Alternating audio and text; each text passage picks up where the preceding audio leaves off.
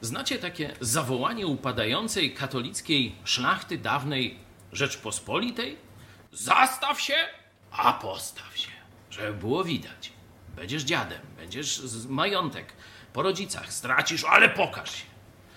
To jest właśnie chore w części naszego społeczeństwa. Dlatego protestancka etyka pokazuje: bądź skromny, odkładaj pieniądze, inwestuj, ciężko pracuj. Zobaczcie biblijną podstawę. Salomon, przypowieści, 12 rozdział, werset 9. Lepiej być skromnym i pracować na siebie, niż udawać wielkiego i nie mieć na chleb. Tu ta pierwsza część chodzi o to, lepiej, niech cię nawet ludzie widzą, że nie masz tam złotej karocy, ale miej na swoje potrzeby. To jest pierwsze zadanie. Warto, żeby Polacy zaczęli uczyć się etyki protestanckiej.